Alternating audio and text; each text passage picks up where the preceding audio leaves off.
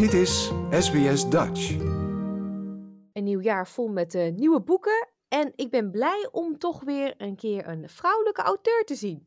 Ja, dat klopt. En uh, dat is wel Sandra Langerijs, een uh, historicus, gepromoveerd historicus, die ook docent is geweest aan de Universiteit van Leiden. En zij heeft een prachtig boek, dik boek, 700 pagina's, met heel veel pagina's, met heel veel noten ook nog. Dat is een gedegen studie uh, gedaan naar het leven van Erasmus. En uh, nou ja, zoals je weet, hè, we hebben vooral in Rotterdam hebben we de Erasmusbrug, we hebben de Erasmus Universiteit. En ja, ik zie ook wel eens citaten voorbij komen van Erasmus. En nou ja, iedereen heeft wel van de naam Erasmus gehoord. Maar ja, ik, ik moet eerlijk zeggen dat zelf wist ik niet heel veel over de man. En toen ik dit hele dikke boek zag liggen met, vind ik zelf, een hele mooie kaft op de voorkant, werd ik eigenlijk heel nieuwsgierig van, ja, wie was die man eigenlijk en wat heeft hij nou allemaal uh, wel niet gedaan om zo'n dik boek uh, als biografie uh, te krijgen, 4,5 eeuw later. Wat sprak je zo aan aan die voorkant? Kan je hem beschrijven? Nou ja, ik kende wel plaatjes van Erasmus, maar dan was het altijd zo'n een beetje een oude man met een maffe muts die altijd voorover gebogen over een boek uh, zat.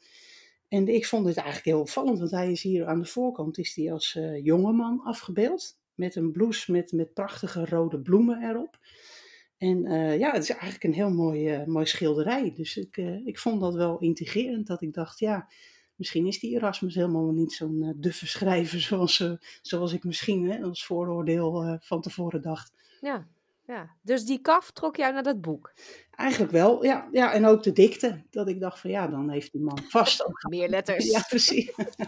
dat is zeker deze tijd van het jaar. Dat kan je er lekker induiken.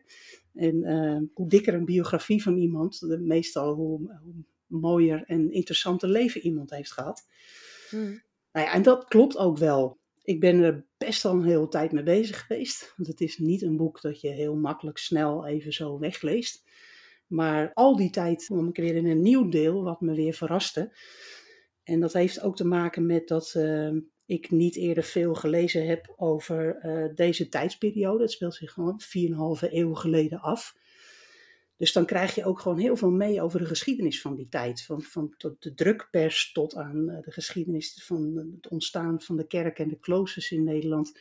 Maar ook uh, boekgeschiedenis, dat, dat, dat komt hier heel mooi in dit boek naar voren. Dat, wij kunnen zo makkelijk natuurlijk een boek online bestellen en dan wordt het de volgende dag bij wijze van spreken nog bezorgd. Terwijl hier in deze tijd zaten monniken urenlang te schrijven, te kopiëren. Dat werden kopiisten genoemd om een manuscript uh, of een Bijbel gewoon helemaal letter voor letter met de hand over te schrijven. Dus de boeken waren ook helemaal niet zo makkelijk beschikbaar zoals we dat uh, nu kennen. En ja, dat maakt het boek heel interessant, omdat je aan de ene kant ook wel ziet dat er heel veel veranderd is in 4,5 eeuw, maar aan de andere kant eigenlijk ook heel weinig. Na het boek kon ik me ook zo voorstellen dat je bij wijze van spreken Erasmus ook nog zo tegen zou kunnen komen in de steden die ook beschreven worden en die ik ook wel ken. Dus dat maakt het uh, ja, heel bijzonder. En ik, toen ik het boek uit had, vond ik het echt wel een beetje jammer dat ik afscheid moest nemen van Erasmus. Omdat ik het idee had dat hij toch drie weken te gast is geweest bij ons in huis. Hmm. En wat voor vorm heeft het boek? Uh, nou, het boek is eigenlijk heel verhalend. Um, het begint bij zijn uh, vader en moeder. En zijn vader die heette Gerard een jongste uh, tellig uit een gezin van wel elf kinderen. En uh, zijn moeder, die uh, Gerard en Margaretha, die kwamen elkaar op vrij jonge leeftijd al tegen in Rotterdam. Maar ja, de ouders van Gerard, dus de opa en oma van Erasmus, die hadden eigenlijk het voor ogen dat Gerard zich aan de kerk zou gaan wijden, want dat was in die tijd heel normaal. Niet zozeer omdat ze heel erg uh, gelovig waren, maar wel dat dat ook een, een, bron van inkomsten was. Want er waren toen niet zo heel veel beroepsopleidingen of studierichtingen. Maar als je je eenmaal uh, aan de kerk wijde, dan zat daar vaak ook uh, een goede baan aan vast. Dat hadden ze voor hem bedacht. Dat wilde hij niet, want hij was natuurlijk verliefd op Margaretha.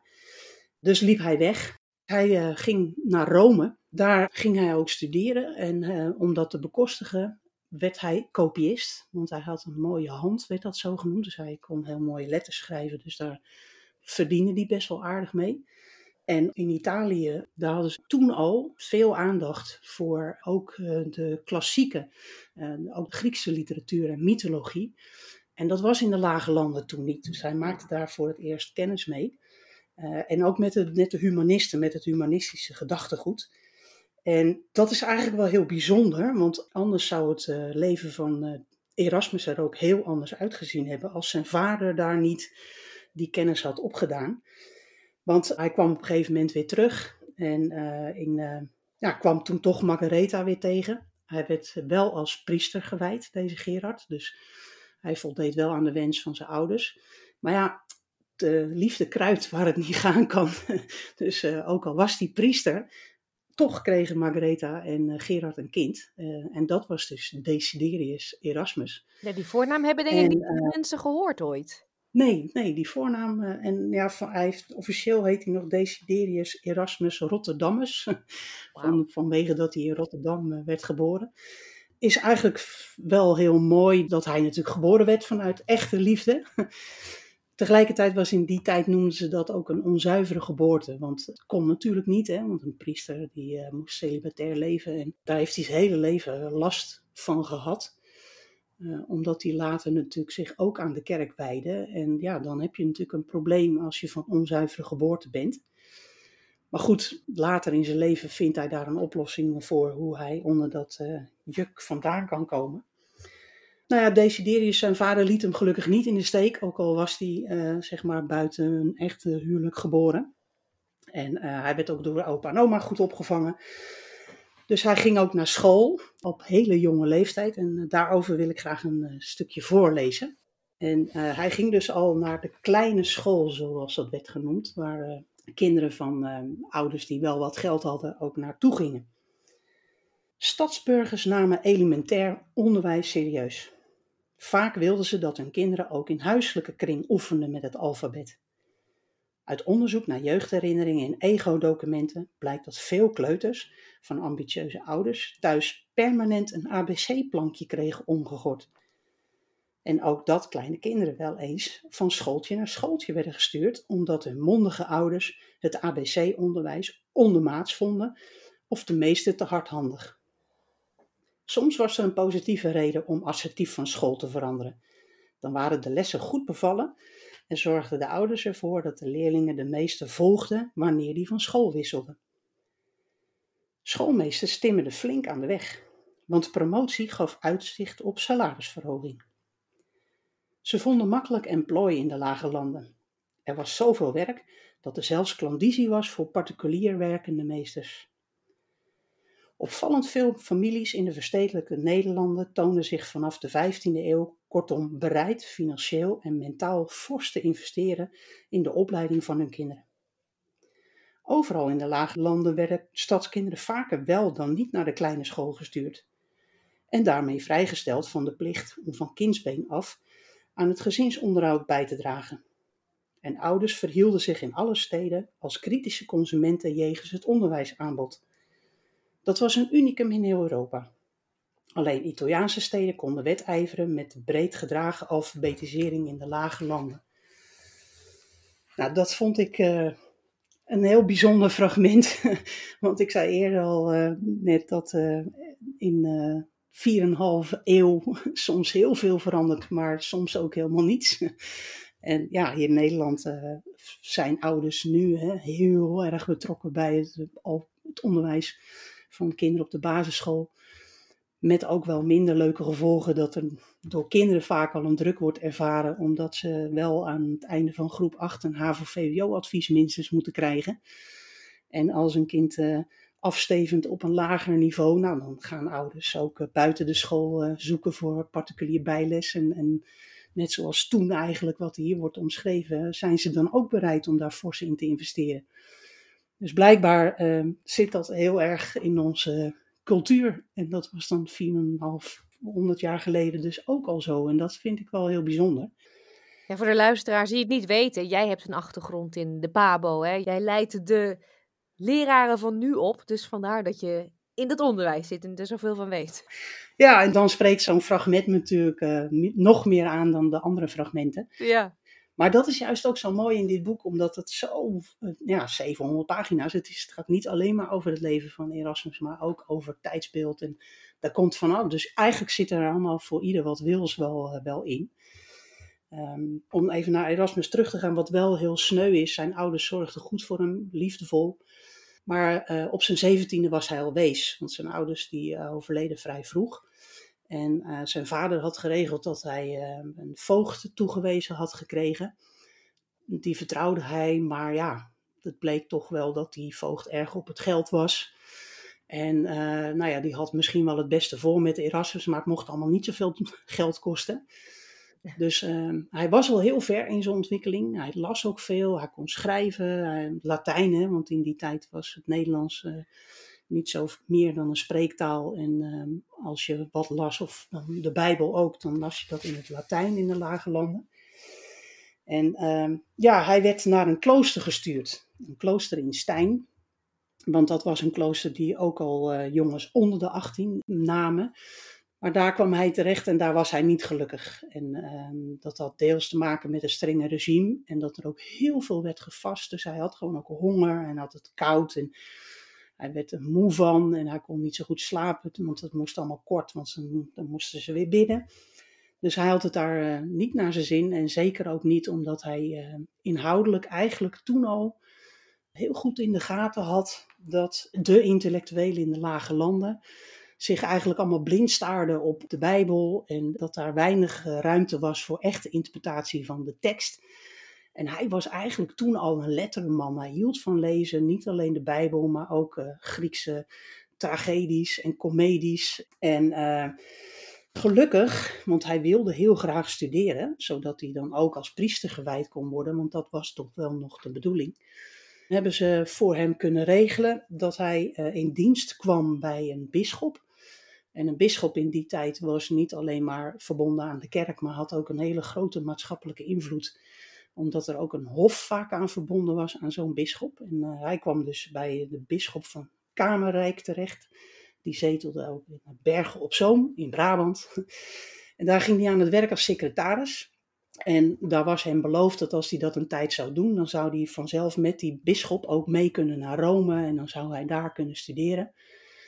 Nou, de plannen liepen wat anders, want die bisschop, door omstandigheden kwam die niet in Rome terecht, maar hij kon wel Erasmus gaan studeren in uh, Parijs. Dat was niet zijn eerste keuze en in het boek wordt ook heel goed uitgelegd waarom. Hij was een man van de letteren en wat minder eigenlijk van uh, de Bijbelstudies uh, zoals ze daar in Parijs. Dus dat werd hem toch niet daar in Parijs. En gelukkig, nou ja, hij ging dus ook weer reizen en dat is, vind ik wel heel bijzonder, dat uh, hij ging zelf, zonder dat hij daar geld voor had, want hij heeft zijn hele leven, tot aan op hoge leeftijd, heeft hij echt moeten sappelen en moeten uh, bedelen eigenlijk bij mensen, om zich in zijn eigen levenskosten te kunnen onderhouden. En, maar hij ging heel veel schrijven. En uh, zo heeft hij ook zelf uh, een, een, een, Bijbel geschreven. Dus heeft hij een studie gedaan naar Hebreeuws. Hij heeft zichzelf Hebreeuws geleerd en Grieks. En daarnaast ging hij gelukkig ook andere mooie teksten schrijven. En uh, een van de teksten die het meest beroemd is geworden, dat is de tekst, het, het, boekje Lof der Zotheid. En um, dat is een, eigenlijk wat je zou kunnen zeggen, en daarvoor bestond dat niet, maar je zou kunnen zeggen dat het de allereerste Europese bestseller is geworden. Dat kon ook in die tijd, want um, daarvoor had je nou ja, de monniken die alles moesten overschrijven. Maar in de tijd van Erasmus is natuurlijk ook de drukpers uitgevonden door Gutenberg in eh, Duitsland. En uh, dat werd ook steeds, die techniek werd steeds verbeterd, dus ze konden ook steeds makkelijker van één boekje grotere oplagers uh, verzorgen. En uh, nou, daar kon Erasmus dankbaar gebruik van maken. En wat Erasmus deed en waarom het boekje zo populair was, is dat de mensen gewend waren om uh, nou ja, in de Bijbel te lezen of uh, publicaties te lezen die gingen over de Bijbel. Maar wat Erasmus bracht was nou ja, wat, een, wat meer literatuur ter vermaak, maar waar wel een boodschap in zat. Want dat vond hij natuurlijk ook wel heel belangrijk. En het mooie was dat hij dat deed, want hij was inmiddels ook wel gewend dat zeker in die uh, wereld van eh, de theologen, die vonden hem natuurlijk niet altijd uh, dat wat hij deed fijn of goed. Want ja, hij bekritiseerde eigenlijk dat wat zij natuurlijk al jaren deden met de Bijbel. En hij nam daar natuurlijk een hele andere stelling in. Dus hij was gewend om ook met tegenstand te moeten omgaan. Maar in dit boek had hij dus eigenlijk, zoals hij vroeger al las in die Griekse comedies, bracht hij dit verhaal als een soort, eh, als het een ware toneelstuk was met rollen. En gebruikte hij de personages in zijn boek om dingen te laten zeggen die, waar hij natuurlijk ook achter stond. En um, ik kan natuurlijk nog uren vertellen over dit boek, maar dat, dat, zal, dat zal ik niet doen. Want uh, we moeten het natuurlijk ook zelf gaan lezen. Hij heeft een prachtig leven geleid, denk ik. En, en ja, vanuit passie, passie voor de letteren voor alles wat hij geschreven heeft, maar ook om mensen aan te zetten van dat taalvaardigheid toch eigenlijk wel heel belangrijk is. Want taalvaardigheid, dat leidt tot begrip en wijsheid en kan je bronnen tot je nemen. En uh, ja, ik denk dat hij daar een voorbeeld is, in is geweest voor velen, want echt eeuwen daarna hebben ze op scholen nog zijn schoolboeken, want die heeft hij ook geschreven, nog gebruikt.